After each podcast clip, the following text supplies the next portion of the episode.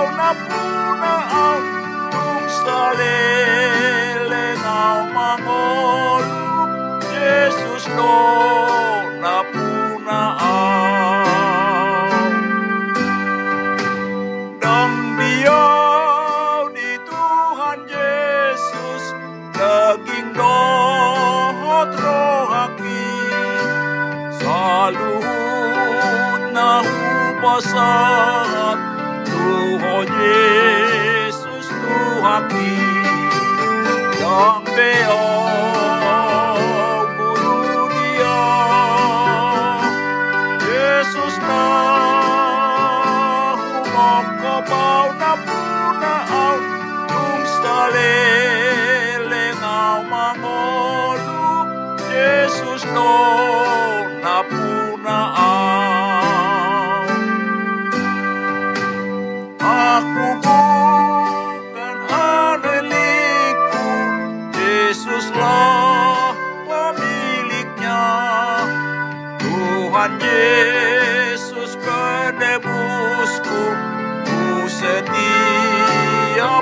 padanya.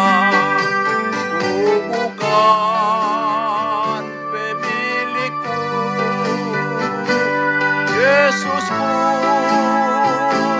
selamatku pemilikku dan selama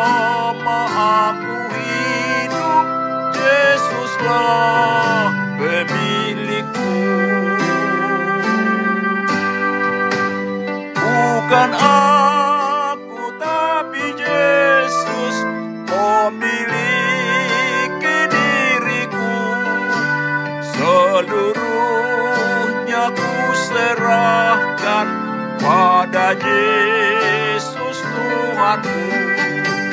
Ku bukan pemilikku, Yesus Juru Selamatku pemilikku, dan selama aku hidup, Yesuslah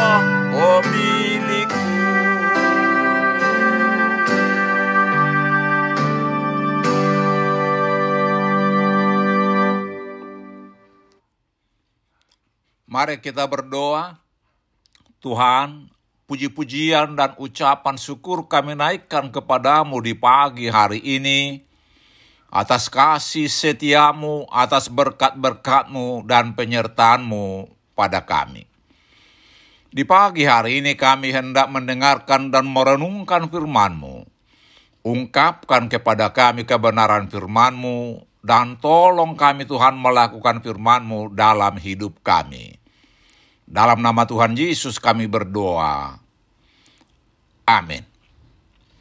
Saudara-saudara yang dikasihi Tuhan Yesus, firman Tuhan untuk kita renungkan di pagi hari ini terambil dari Imamat 10 ayat 10 dan 11 dengan tema mampu membedakan yang kudus dari yang tidak kudus, demikian firman Tuhan haruslah kamu dapat membedakan antara yang kudus dengan yang tidak kudus, antara yang najis dengan yang tidak najis, dan haruslah kamu dapat mengajarkan kepada orang Israel segala ketetapan yang telah difirmankan Tuhan kepada mereka dengan perantaraan Musa.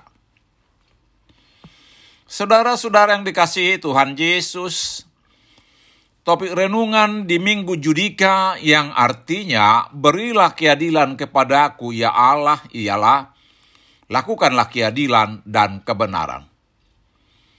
Keadilan Allah ialah membenarkan setiap orang yang benar atau taat pada hukum Tuhan dan menghukum setiap orang yang melanggar hukum Tuhan atau berbuat dosa.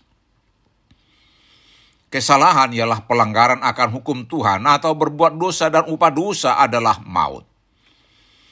Semua manusia telah berbuat dosa, sedangkan tuntutan Allah supaya kita sempurna tidak berdosa. Matius 5 ayat 48. Kalau kepada kita dibalaskan sesuai dengan dosa kita, maka bagian kita adalah kematian kekal atau neraka syukur Allah itu selain adil juga kasih. Karena kasihnya Allah tidak ingin menghukum manusia berdosa. Karena kasihnya Allah telah mengaruniakan anaknya yang tunggal Yesus Kristus untuk menyelamatkan kita manusia berdosa. Saudara-saudara yang dikasihi Tuhan Yesus, Ayat renungan hari ini terambil dari perikop dengan judul Larangan tentang minuman keras bagi imam yang menyelenggarakan kebaktian. Kebaktian bagi umat Israel adalah bertemu dan bersekutu dengan Allah yang Maha Kudus. Imam sebagai perantara yang membawa persembahan umat dan memimpin ibadah mereka tidak boleh cemar. Mereka tidak boleh mabuk untuk memastikan tugas-tugas yang dilakukan di kemah pertemuan dilakukan secara tepat dan benar. Sebab itulah larangan tentang minuman keras bagi para imam ketika masuk kemah pertemuan atau bait suci sangat penting. Imam betul-betul harus sadar waktu mereka masuk kemah pertemuan atau bait suci. Mereka harus menghormati kekudusan Tuhan yang Maha Kudus. Saudara-saudara yang dikasihi Tuhan Yesus, tubuh kita adalah bait Allah dan roh Allah diam di dalam kita. 1 Korintus 3 ayat 16. Karena itu tubuh harus dijaga kekudusannya dan tidak boleh dicemari dengan minuman keras dan yang lainnya.